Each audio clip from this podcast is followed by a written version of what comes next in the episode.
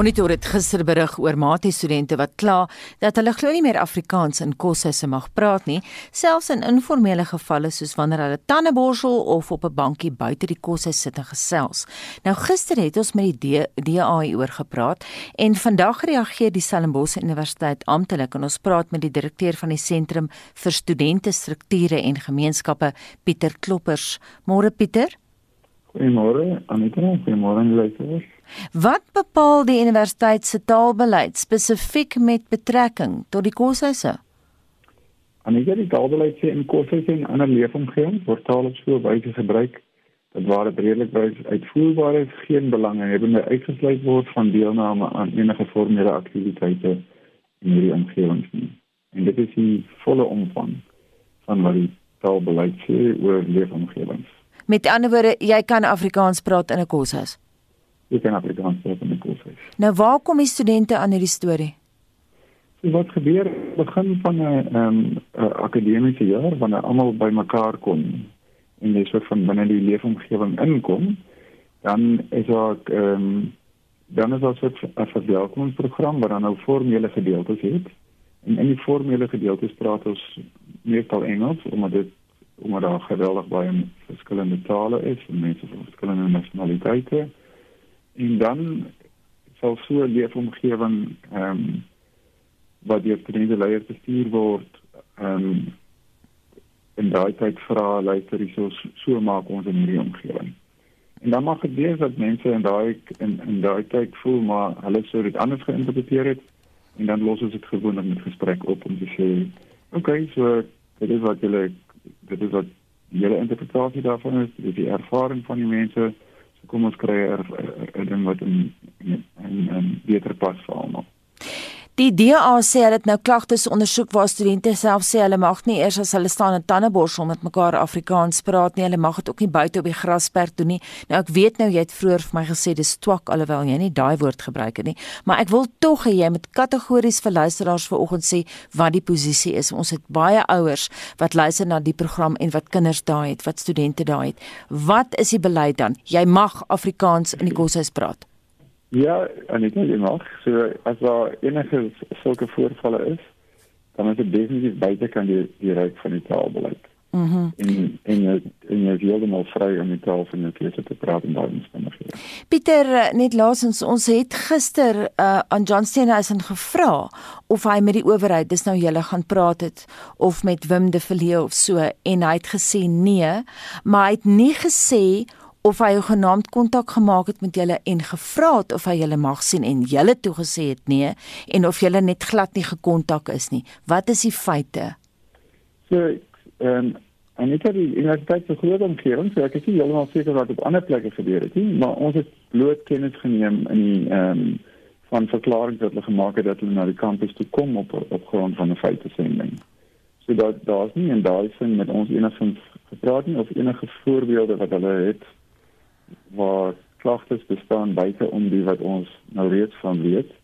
Ehm um, ja, daar daar het hulle vir ons geen geen verdere inligting gegee nie en dat dit in tot tot nou nog te doen. Pieter gaan julle terugveg met 'n inligting sessie of op 'n manier terugkap want hierdie storie gaan nou die wêreld in. Ja, Anita, ons is nie eintlik in 'n in, in studente gemeenskappe is ons nie eintlik in 'n veg soort van ehm um, modus nie. Wat ons wel weet is is dat uh, as jy wil vrede hê in 'n plek, dan is dit nie dat daar nooit konflik sal wees of nooit misinterpretasie van iets sal wees nie. Maar wat jy wel moet nodig het is is meganismes om dit te besleg. So dit is die dit is die beste definisie van vrede wat ons kry en een van ons vernaamste um, beslegtingsmetodes is gesprekke en ons het gevind dat in in in gevalle dit ten spyte daarvan dat mense moontlik anders mag dink dat ons um, nuwe linksstudente tog baie maklik aan gesprekke deelneem as dit gesprek opgemaak word en hulle vra vra en dan dinge op daai manier reggestel kan word en dan gaan die gemeenskap weer aan dan verstaan die gemeenskap homself weer self beter en uh, kry beter toepassing en baie keer het iemand gedink 'n oplossing vir 'n sekere probleem lyk like so maar dan kry hulle weer die gesprek insig dat dit ook op 'n ander manier kan doen en dan en dan besluit die gemeenskap wat die beste en dan gaan hulle aan. So ons is besig om om voortdurend met ons studente te praat. Ek, Ehm um, dis anders as ander organisasies waar mense miskien in lewe gewoond is. Die die mense verander baie vinnig. Volgende jaar se leiers lyk anders as hierdie leiers. Hulle mag hulle eie uh, interpretasie van wat is die beste vir hulle omgewing en dit mag nuwe uitdagings bring en dan praat ons maar weer daaroor. En dan wat is ons help die gemeenskap onsself eintlik in eerste plek met mekaar te praat en dan en, en dan maniere te kry om saam te leef. Baie dankie en lyk my dit baie sterkte nodig dit dan Pieter Kloppers, hy's direkteur van die Sentrum vir Studente Strukture en Gemeenskappe by die Universiteit Stellenbosch. Internasionale nuusgebeure, die VN Veiligheidsraad het hierdie week vir die tweede keer in net 1 maand kommer uitgespreek oor die geweld in Myanmar. Die raad is dit eens dat sy spesiale gesant, die Switserse diplomaat Christine Schraner-Burgener, die land so gou as moontlik moet besoek. Intussen het polisieamptenare uit Myanmar gevlug Indië toe, waar hulle aan die BBC vertel het dat hulle land uit is omdat hulle weier om die militêre junta se opdragte uit te voer. Vir 'n interpretasie oor die nuutste gebeure in daardie Suidoos-Asiese brandpunt, praat ons nou met Rolf Meyer wat betrokke was by die aanvanklike demokratiseringsproses, maar ons weet ook dat Rolf tans in gesprekke is met leiers in Myanmar. Goeiemôre Rolf Meyer. Môre Anita. Jy is tans betrokke by die proses daar om te kyk of die geskil besleg kan word. Kan jy vir ons sê met wie jy gesels, Rolf? Ja, ons is uh, op 'n lang afstand uit die aard van die saak hier uit Suid-Afrika in 'n poging om te kyk hoe ons die die burgerlike gemeenskap, met ander woorde die mense wat hulle uh, weerstand bied teen die uh, staatsgreep, hoe ons hulle kan ondersteun en en ons is in gesprek met hulle uh, of verteenwoordigers van daai groepe. Uh daar's 'n verskeidenheid van groepe. Ek moet sê daar's daar's omtrent 5 verskillende groepe wat deelneem aan die weerstand beweging en ons is in gesprek met hulle om hulle kom ons sê 'n bietjie te bemoedig te help uh, idees te gee hoe om die weerstand op 'n passiewe uh, nie gewelddadige manier uh, uit te voer teen die gewelddadige optrede van die militêre en die polisie. En in hierdie gesprek is, is saam met my Matthew Sposa van Suid-Afrika sowel as uh, Jerry Magilla uh, wat uh, baie onlangs uitgetree het as Suid-Afrika se ambassadeur by die VN. Mm. En en die rede waarom ons met hulle in gesprek tree is om om, om te sê kyk ons het in Suid-Afrika 'n vredesame oorgang gehad van apartheid na demokrasie. En en baie van die optredes wat van die 80er jare uh, kan mense herhaal in terme van wat vandag van toepassing kan wees in geval van Myanmar en ons deel hierdie ervaring met hulle en en en bemoedig hulle op daai manier maar ons is ook in gesprek met 'n verskeidenheid van internasionale figure. Christine Schroner die Burgener is uh, is omtrent elke tweede dag saam in hierdie gesprekke wat ons aan deelneem. Uh en en haar rol is baie uh spesifiek haar rol is ook uit uh, sy sy sy vervolger rol uitstekend wat dit dan betref. Maar sy word nog steeds weer hou om Myanmar te besoek mm. want uh dan die militêr die voorwaarde wat sy gestel het reg van die begin af waarom sy daar wil kom is om met die militêr te praat en natuurlik met Aung San Suu Kyi. Mm en en en die militêr wil haar nie toelaat om te kom op daai voorwaarde nie. So op hierdie stadium is daar 'n dooie punt rondom dit. Sy is waarskynlik een van die weinige mense wat op 'n deurlopende basis ten minste nog praat met die met die militêr. Ehm um, maar dit is 'n um, dis 'n situasie wat wat enige kant toe kan ontwikkel uh, in terme van ons waarneming. Ons help van ons kant as soveel as wat ons kan um, met uh, met hierdie groepe en ons is nie afgelope week op 'n deurlopende basis met hulle gesprek. Dis baie selde roel dat die VN Veiligheidsraad uit een mond kritiek lewer veral teen Myanmar omdat China altyd daardie land beskerm. Hoekom blyk dit nou te verander? Ja, ek weet nie die verandering is waarskynlik net tot 'n sekere hoogte. Ehm um, jy weet uh, China het in hierdie trokke geval 'n uh, definitief sy misnoë uitgespreek oor die staatsgreep. Uh, ek dink nie hulle hou daarvan nie dit uh, dit bring uh, op hulle grens sekere verwikkelinge wat hulle definitief nie nie verlief neem nie. En vir daardie rede is hulle waarskynlik gekant teen die staatsgreep. Maar terselfdertyd gaan China ook nie sanksies uitoefen. En hulle het redelik duidelik daaroor standpunt ingeneem dieselfde met Rusland uh in die veiligheidsraad en ek dink Indië dieselfde en 'n ander lid van die veiligheidsraad is Vietnam wat ook uh laat baie dat hulle gaan sanksies ondersteun.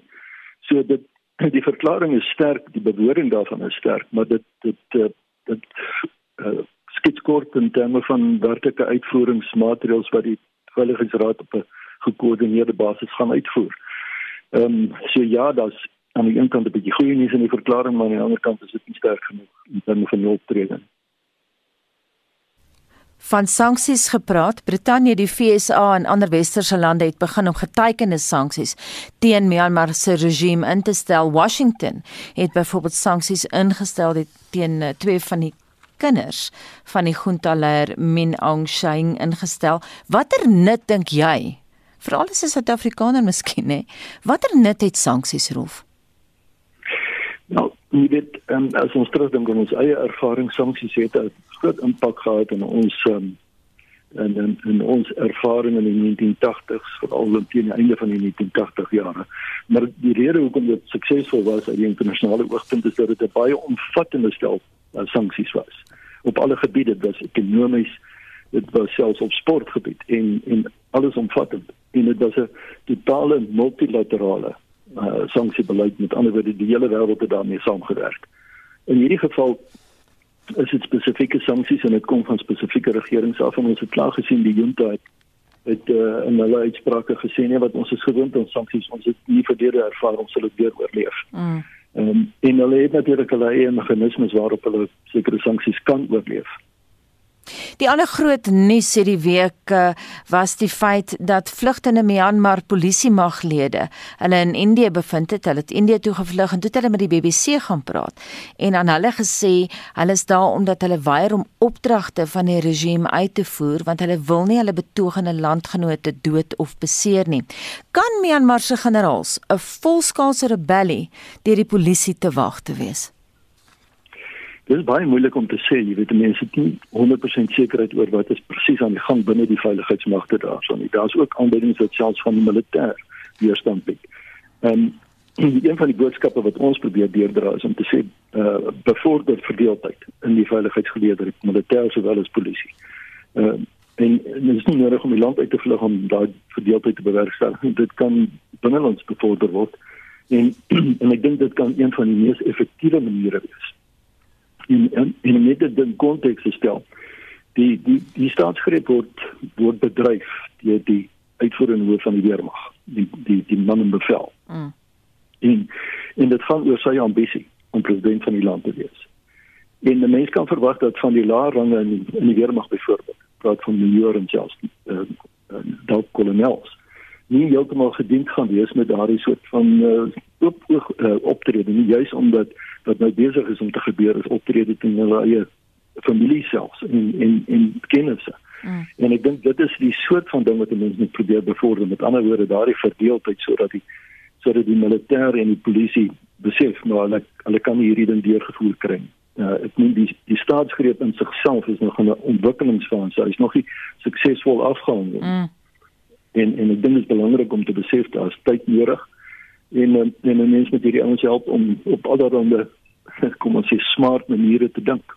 Roof, hoekom is generaal Min Aung Hlaing so stil? Ja, ek dink dit is deel van sy uh, van sy samestelling. Ehm um, jy weet hy hy was nog nooit in die verlede iemand wat spraaksaam was nie. Hy sê oor wat homself wegsteek. Ehm um, hy laat mense bietjie dink aan onder ander gevalle van dieselfde aard. So hy hy laat ander mense uh, optree en vir hom praat uh, die die woordvoerder van die junta is die is die spraaksame een op hierdie stadium. Uh so hy hou homself in die in die agtergrond uh maar ek dink dit is uh, waarskynlik sy styl en dit is waarskynlik ook baie keer die optrede van 'n autokraat en so en so omstandigheid so dit is nie heeltemal te vreemd die feit dat hy stil is. Rolf sou Suidoos-Asiëse leiers 'n rol kon speel om die konflik in Myanmar te besleg, want einde Februarie is die junta se minister van buitelandse sake Bangkok toe vir samesprekings met kollegas van Thailand en Indonesië. Hoe lyk daardie verhoudings nou? Ja, die hele samestelling van die streek, uh, sogenaamde ASEAN streek, is is jy weet is maar is eh, kom ons sê hulle hulle reaksie teen die staatsgreep was baie swak. Dit is nie dit is nie uh, duidelik wat hulle standpunt eintlik is nie. Daar is waarskynlik verdeeldheid en hulle eie geleedere tussen die verskillende lande. Uh baie van hulle seker ekonomiese belange op die spel en dan natuurlik die groot faktor is baie van daai lande is self onder militêre regering.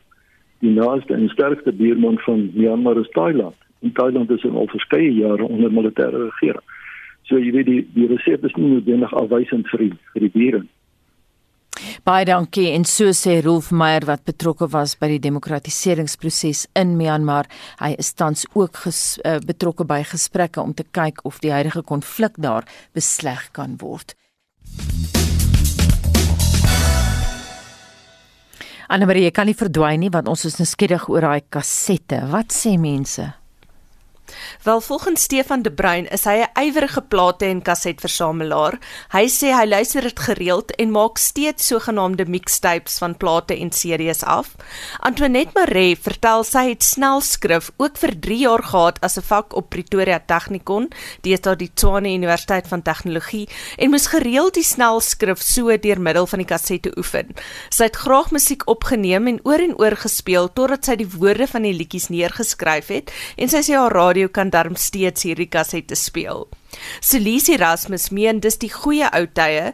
Sy onthou nog goed as die kasetspeler die tape ingesluk het, dan moes jy hom eers stop en die koek uitmekaar haal in haar woorde hm. sonder dat hy moet breek. sy sê sy het nog steeds haar ouma se kassette met goeie musiek daarop en ongelukkig ken vandag se kinders dit glad nie. Solet jy bystem saam en sê dis haar era. Sy sê sy het 'n potlood gebruik om die handjie stywer op te draai.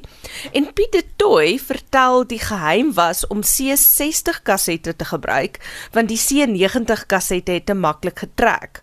Hy sê in die 80s kon hy van Johannesburg na Kaapstad ry en kaset luister sonder om 'n liedjie twee keer te speel. Hmm.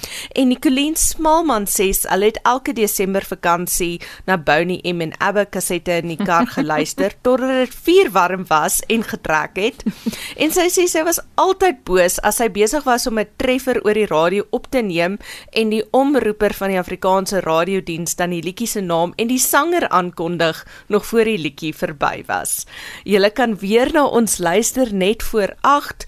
Julle kan saamgesels op facebook.com vorentoe skynstreep ZRSG of vir ons stemnota stuur na 076 536 6961. Dankie Anita. Ai Anne Marie het ons nie almal daai kassette opgedraai met penne of potlood nie. Ek gaan nou vir Pieter vra of hy dit ook gedoen het want ons praat nou met Pieter van der Berg. Pieter môre. Onthou jy kassette? my maggies ek onthou hoe ek my eerste ou rugby wedstrydjie opgeneem het en toe lê daai bandjie in die son en toe speel hy ons baie stadig daarna wat hy trek hy so Pieter kom ons eh, kom ons praat 'n bietjie sport sake daar's nie minder nie as vier rugby wedstryde wat vroeër die week in die plaaslike voorbereidingsreeks gespeel is nou hierdie naweek is die fokus egter op die buiteland Ja, nie dan jy is dood reg onthou die voorbereidingsreeks se wedstryde word 10 dae uitmekaar gespeel. So is wees eens aanstaande naweek wat daar weer wedstryde sal wees. Vanoggend in Australië se eie super rugby reeks is dit die Western Force wat derde op die punteleers wat speel teen die Rebels om kwart voor 12. Dan môre in Australië, Brumbies, hulle is nommer 1 op daardie punteleer. Hulle speel teen die Reds wat tweede is op die punteleer om kwart voor 11 môreoggend. En dan in Nieu-Seeland is dit die Crusaders en die Chiefs wat mekaar môreoggend pak om 5 minute oor 8. En dan in die Ses Nasies reeks, uh, hierdie naweek weer heerlike opwinding die uh, Stadio uh, Stadio Olimpico in uh, Rome. Dis waar Italië en Wales mekaar pak om kwart oor 4 môre middag en dan later op Twickenham is dit Engeland en Frankryk wat mekaar takel en dit is om kwart voor 7 die aand. En dan Sondag in Nieu-Seeland is dit uh, die Blues en die Highlanders vroegoggend om 25 minute voor 5 draf hulle op die veld en in die Ses Nasies wedstryd Sondag dit Skotland en Ierland op Murrayfield om 5uur en dan moet ons ook onthou daar's verskeie klubwedstryde in die Pro 14 asook in die Premier League in Brittanje wat die naweek gespeel word. Nou vroeër die week het drie wedstryde in die plaaslike 4-dag cricketreeks geëindig. Waarop fokus jy wat die cricket betref? Ja, op die internasionale front is Suid-Afrika se vrouespan vandag weer in aksie. Dit is daar in die derde eendag wedstryd in Lucknow. Nou uh, net so rukkie gelede kom ons loop vanaand die telling. Dit is Suid-Afrika wat vir Indië ingestuur het op die golf. Hulle staan op 146 vir 3 en dit is na 30 balbeurte. So dit gaan goed met Indië. Ons sal moet baie vinnig baaltjies neem om daardie wedstryd te kan wen. Dan is daar vandag ook 'n paar manswedstryde. In die eerste van 5T20 wedstryde is dit Indië en Engeland wat mekaar later vandag takel in Ahmedabad en dan die tweede eendagwedstryd is in die Wes-Indiese eilande en Sri Lanka word in North Sound gespeel en die Windies het die eerste wedstryd natuurlik daar met 8 balkies gewen. Wat gebeur op die golfbane? O Nou ja, op die plaaslike front is dit die eerste ronde van die spelerskampioenskap wat op Duinfoon afgehandel is. Dis in die Sonskynreeks. Ulrich van der Berg en Jared Harvey, hulle is gesaam met die voorlopers op 800 syfer. Dan op 700 is daar 8 spelers wat insluit Jacques Blau, Jake Roos en James Kingston. En in die Europese reeks is dit die Qatar meesters wat gister begin het, David Law van Skotland, Skotland. Hy is die voorloper, hy's op 700 syfer. En een van die vier spelers in tweede plek is Suid-Afrikaanse Henny Du Plessis, daar op 600 soos ons sê. Gary Ligo, hy's op 500 syfer en George Coetzee op 400. En dan in die FSA is alle oë op die sogenaamde 5de major van die jaar. Dis die spelerskampioenskap op TPC Sawgrass in Florida. Nou die ronde sal vandag voltooi word want dit het vroeër donker geword en uh dis Sergio Garcia wat twee arende aangeteken het. Hy het 'n voorsprong van 2 houe. Hy's op 700 syfer met Brian Hyman in die tweede plek op 500. Suid-Afrikaanse Christian Besuitnou is op 200, Dylan Fratelli op 100 en Louis Oosthuizen 1 oorsyfer en ons sal op RSG verslag doen gereeld vandag, môre en Sondag. Kom ons kyk 'n bietjie na tennis. Ja, die kort eindwedstryde van die Qatar Ope is uh, vir mans afgehandel. Nou Nicolas Batshuayi het vir Roger Federer in 3 stelle uitgeskakel en Roberto Bautista goed. Hy het met Dominic Thiem afgereken. En dan die ander twee wat hier is aan die halfeind toe is Andrei Rublev en Taylor Fritz. En dan in die halfeind vir vroue in Dubai, lyk die bepaling vir vandag so, Elise Mertens speel teen Gabin Muguruza terwyl Jill Teichmann en uh, Barbora Kachokova uh, in die ander halfeind sake sal uitspook. En talle bepalinge in verskeie sokkertoernooie is ook op die sportspyskaart. Kom ons kyk na die belangrikstes asseblief Pieter. Ja, vandag in die Engelse Premier League gaan Newcastle United teen Aston Villa. Môre is daar vier bepalinge. Dit sluit onder meer in Everton Burnley en dan môre aand om 10:00 is dit Fulham teen Man City. En dan môre in die uh, plaaslike Premier League is dit Stellenbosch teen Mamelodi Sundowns om 1:00 en 0:30 die middag is dit die Nedbank beker se wedstryd van Chippa United teen Richards Bay. Baie dankie dit was Pieter van der Berg van RSG Sport. Inwoners van die Getleng rivier plaaslike munisipaliteit gaan die Hooggeregshof in Mahikeng vra om die munisipale bestuurder tronk toe te stuur vir minagting van 'n hofbevel. Die Getleng rivier besorgde inwoners het vroeër 'n bevel verkry wat beslis dat die munisipale bestuurder Joseph Mogale binne 'n bepaalde tydperk moet verseker dat rou riool nie in die Eland en Koste riviere gestort word nie en dat die munisipaliteit ophou om infrastruktuur te gebruik wat die riviere besoedel. Hy moes ook 'n plan voorlê wat toekomstige besoedeling sal verhoed. Lila Magnus het al die besonderhede. Die Hooggeregshof in Mahikeng in Noordwes het in Desember verlede jaar gelas die Khetling munisipale bestuurder Joseph Mogale moet binne 10 weke die besoedeling van die riviere uitsorteer en planne voorlê hoe dit voorkom gaan word in die toekoms. Die hof het verder gelas Die munisipaliteit het sy grondwetlike plig versaak deur nie volhoubaar genoeg drinkwater aan inwoners te voorsien nie. Mogale is tot 90 dae tronkstraf hiervoor gefonnis. Die vonnis is in sy geheel opgeskort indien Mogale binne 10 dae van die hofbevel aan die hof kon bewys die munisipaliteit kan onder meer voldoende hoeveelhede drinkwater aan inwoners verskaf. Dit het nie gebeur nie. Die hoof van AfriForum se privaat vervolgingsgesag, Garinel, staan lede van die aksiegroep Getleng besorgde inwoners by om die hofbevel af te dwing.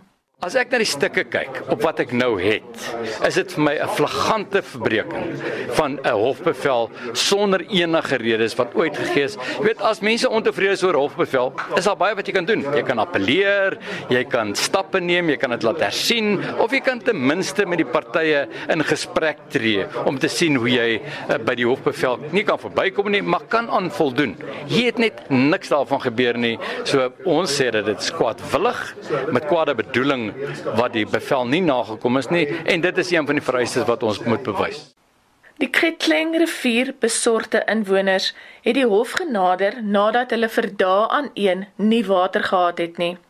Andreas Peens is die prokureur van die groep en bly ook in die gebied. Nee, ons was in 'n toestand gewees jong mense wat uh bedel vir water op WhatsApp om te sê ja, daar is nie water in ons krane nie.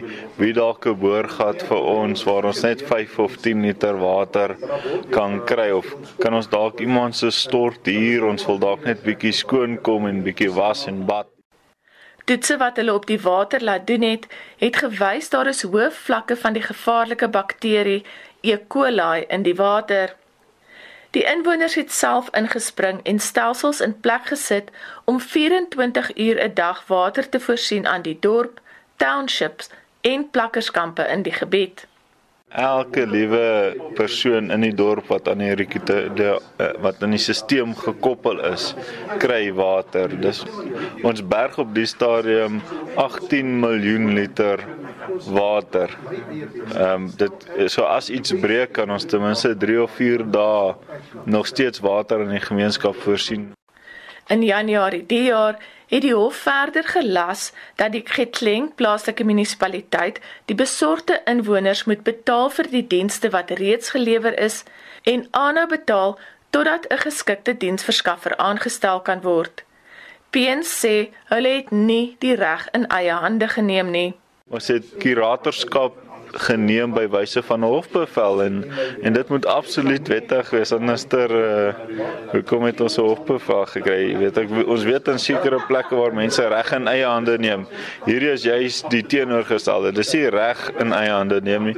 Dit is om vir die hof te sê ons sit met 'n probleem gee vir ons die oplossing en die hof het vir ons die oplossing gegee Afriforum gebruik die voorbeeld van wat die Getleng besorgde inwoners gedoen het as 'n bloudruk om 'n model te ontwikkel wat landwyd toegepas kan word waar munisipaliteite nie hul werk doen nie.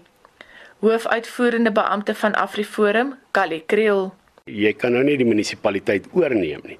Maar wat jy wel kan sê, die gemeenskap wil 'n rol speel. Ons wil met die munisipaliteit in 'n vennootskap gaan en ons weet ons gaan moes nou raad teenstand kry want daar sit mense in die munisipaliteite wat hulle self verryk want hulle het hulle hande in die til as ek dit nou so kan sê. So ons moet sorg dat ons op 'n hoër vlak 'n uh, oplossing kry waar ons sê hier is 'n model wat kan werk. Dit is nie 'n Afriforum model nie, dit is nie net 'n paar mense se model nie, dis 'n model wat vir gemeenskappe kan werk. Dit was die hoofuitvoerende beampte van AfriForum Kali Kriel en ek is Lela Magnus vir SAIK nuus in Pretoria.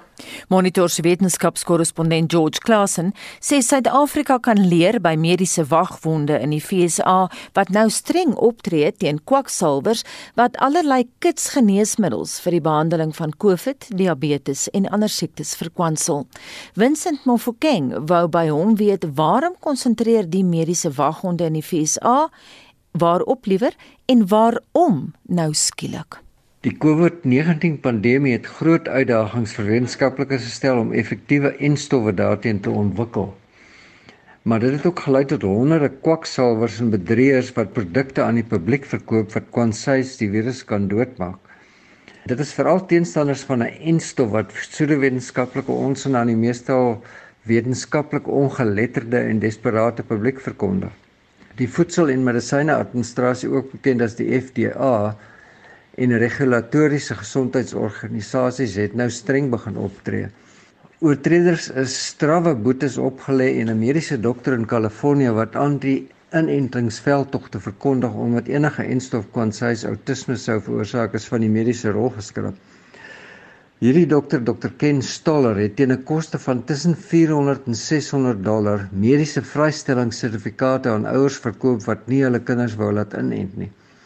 En Stoller het sonder om die kinders te sien of hulle mediese rekords na te gaan hierdie vrystellings verkoop wat beteken het dat die kinders valslik vrygestel is van inenting.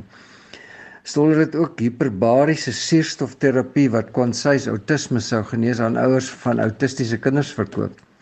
In Suid-Afrika is daar ook talle sulke kwaksalvers, een wat onlangs in Bombela in die nuus was wat hulle as medisy voordoen en desperate ouers oortuig hulle kan outisme genees met hierdie hiperbariese suurstofbehandeling waarvoor daar geen wetenskaplike bewyse bestaan nie.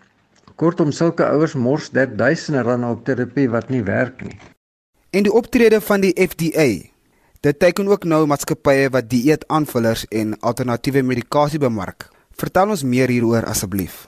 Die Voedsel- en Medisyne-administrasie het in Februarie 10 maatskappye verbied om voort te gaan om dieetaanvullers te verkoop wat onwettige aansprake maak dat dit depressie en ander geestesiektes kan genees, behandel, versag of selfs verhoed.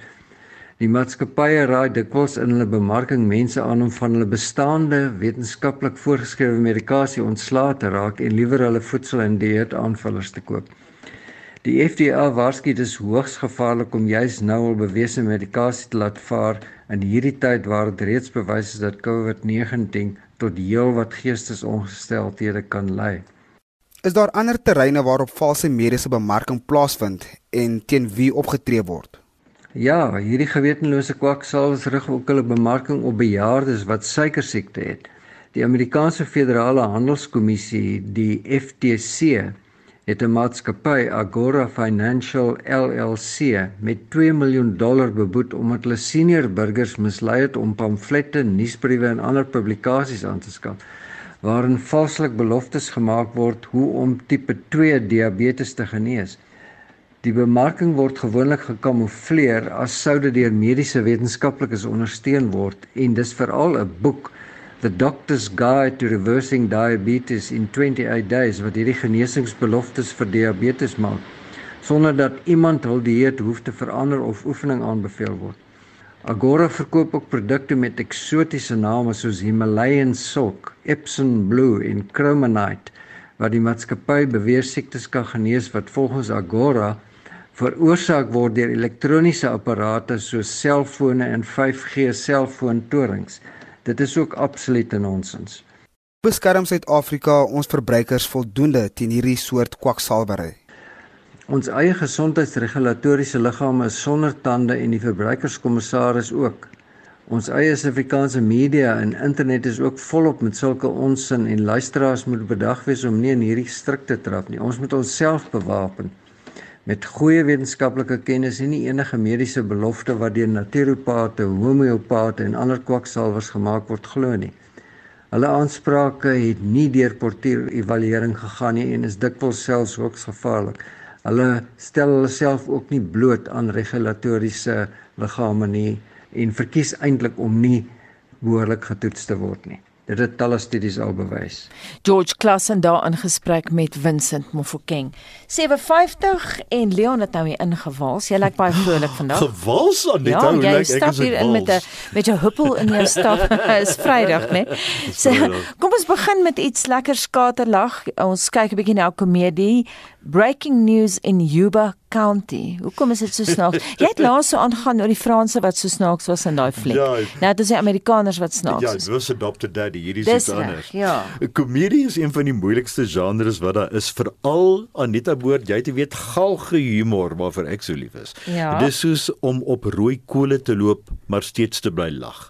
Maar met die geniale aktrise Alison Janney is Breaking News in Yuba County so snaaks. Jy sal jou stram lagspiere weer kan gebruik en die hemel weet daar is min tans om oor te lag. 'n Bleeksiel vrou sit met 'n lijk opgeskeep hoe om nou van ontslae te raak en om die geregte omseil. Dit is maar een van die temas van die Ritteltit snaakse fliek en net Jenny se onderspeelde komiese gesigsuitdrukkings sal jou jou asem laat weglag. Dit gaan oor gierigheid, oor leuns, oor ontrouheid en moord. Breaking News in Yuba County se titel klink nie baie opleidwekkend nie, maar glo my vry, 'n bleeksiel of 'n nerd was nog nooit lomper of snaakser nie. En daar is jou wrintieware storie met vleis om die bene. Besoek die naweek teater waar dit wys, jy sal jou masker skeef lag. 8 uit 10. Tom en Jerry maak ook hulle wye doek debuut 105 minute lank. Dis een van daai strokie op een slag. Dit dis om lank Leon. Kan jy dit verduur? Ek kon skaars 10 minute verduur. Volwassenes sal bietjie sukkel om tot aan die einde van die wye doek avonture van Tom en Jerry te bly sit. Maar kinders raak so opgewonde, hulle vergeet skoon van daai wit draadjies wat by hul ore uit katrol en aan selfone gekoppel is. Dit is natuurlik 'n aangeleerde smaak Tom en Jerry. Dis sal sommige volwassenes eintlik bly sit en lag, maar kinders sal popelend en giggelend reageer. Dit was verlede week te loops die gewildste fliek op die Suid-Afrikaanse kringloop. Tom and Jerry die film 6 uit 10. Raya and the Last Dragon is ook 'n animasierolprent, maar dit is anders as Tom and Jerry. Wat maak dit anders? Seker nie moeilik om te raai. 'n Mens moet weet as Walt Disney rekenaar animasie maak amper soos Frozen, hè, sal dit oud en jonk bekoor en dit sal meer ernstig wees. Hier moet 'n dapper Asiër vrou die laaste oorblywende wit draak vind nadat die idilliese paradysbeskawing vernietig is deur iets wat oor die heuwels rol en almal besmet wat in sy pad kom weet jy ek moet vir jou sê dit lyk amper vir my nes die COVID virus. Die musiek is asemrowend. Die storie sal jou end uitboei. Die heldin is sterk want die film is dramaties en realisties terwyl die karakters baie vleis om die bene het. Raya and the Last Dragon is super vermaaklik, maar ook realisties met uitstekende karakterisering waar twee Asiër vroue te mekaar veg terwyl die res van hul eiland in klip verander het. Vir ouers wat die erns sal verstaan en kinders wat betower aan die avonture sal meedoen. Raya and the Last Dragon 8 uit 10. En Eddie Murphy is terug met 'n vervolg Coming to America 2. Hmm. Die storie is dunner as jou geduld tussen kinders neel. 'n Afrika heerser ontdek dat hy 'n lang verlore seun het en die twee moet 'n bondgenootskap vorm. Eddie Murphy aanhangers mag dalk grynslag, maar as jy nie van Murphy hou nie, sal jy eerder spykers oop mond kou. Coming to America 2 nou in fliekteaters en ek moet net sê dat Ryan the Last Dragon ook net in fliekteaters is. Jy kan hierdie resensies ook op ons webtuiste lees by rsg.co.za. Klik op fliekrubriek onderaan die bladsy, ook vir vorige resensies deur die titel van jou gekose fliek in te tik. Geef my die spykers aan Leon. Dit was uh, ons hooffliekvloei Leon van Nierop. 'n Opskrif in die afgelope Sondag se rapport het gelei: Katastrofe toe kits inglip en vleenier takel. In die berig word verwys na 'n gekatemaai in die kajuit. Lekker alliterasie daar. Na aanleiding daarvan gesels Dr Willem Botha vanoggend oor katastrofe en katamaai. Dr Botha as hoofredakteur en uitvoerende direkteur van die Woordeboek van die Afrikaanse taal. 'n Noodsituasie het onlangs ontstaan net nadat 'n vliegtyg van Khartoum hoofstad van Sudan opgestyg het. 'n Kat het sy verskyning in die kajuit gemaak en die vlieënier en die bemanning aangeval. Die verwoede kat het hom nie laat vang nie en die gekatamaai en die kommersiële straler het so hand uitgeruk dat die vlieënier die vliegtyg moes omdraai en 'n noodlanding doen. Die kat het vermoedelik die vorige aand saam met skoonmakers by die vliegtyg ingeglip. Dit is nog onduidelik hoe ernstig die vlieënier se beserings is. Die gebruik van die woord katastrofe in die opskrif van die berig is 'n treffende woordspeling, maar daar is natuurlik geen verband tussen katastrofe en 'n kat nie. 'n Katastrofe is 'n vernietigende ommekeer, 'n groot ramp. Oorspronklik was dit 'n dramaterm wat verwys het na die ongelukkige afloop van veral 'n tragedie of treurspel. Hieruit het dan die betekenis van 'n ramp ontwikkel. Ons kry dit uit Nederlands. Maar dit gaan terug na die Grieks katastropein om onderste bo te keer, om te verniel en dit bestaan uit kata wat beteken na onder en stropein wat beteken om te draai, om dinge om te keer. Katamai is 'n heerlike Afrikaanse woord wat in Afrikaans self ontstaan het. Katamai beteken om uitgelate te speel, plesierig te wees, jouleit te hou, maar ook om luidrugtig te kere te gaan. Dit is hierdie betekenis van luidrugtig te kere gaan wat ter sprake is wanneer die berig met nog 'n woordspeling verwys na die gekatemaai in die kajuit. Ewe treffend is katemaai se sinonieme, naamlik rankunk, rafot en baljaar. Katemaai se herkoms is onduidelik maar dit hou moontlik verband met die speelsheid van katte en die kabaal wat katte kan opskop as hulle beklei of amoreus raak. En so sê Dr Willem Botha, hy is hoofredakteur en uitvoerende direkteur van die Woordeboek van die Afrikaanse taal. Onthou as jy 'n woord wil borg of koop, besoek www.wat.co.za of Google eenvoudig borg 'n woord. En van Barbara Venemans gaan ons na die laaste stemnotas van die oggend. Lenet van vereniging. Ek het groot geword in die jare toe daar nog uittrek tapes was. Daai groot kasette. Ek het by seën ons hoofkantoor gewerk en ek het al die rekeninge gedoen vir die verskillende verspreiders daarvan. So ek het omtrent elke kleur, elke deskyn, elke neon kaset gehad. Ek mis dit nogal. 'n CD as hy gekrap is, dan is hy gekrap, jy moet hom weggooi. 'n Kaset kon jy sommer gou regmaak met Q-Tex. Tafras van P. Ja, er is hier kasette. Wat wonderwêreld. As ek kan terugdink, dink ek aan Storie man, Mani muis en Groot Kooskat. En o ja, ook natuurlik om Dana Nels se jakkals en wolf stories. Ja, daai is tye wat ek nooit nooit nooit sal vergeet nie.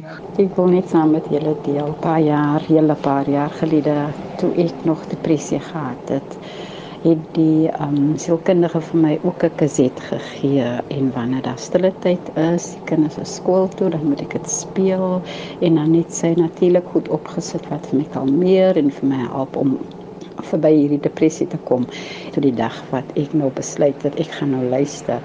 En toe ek die play knoppie druk, toe hoor ek my derde jongste seun se stem.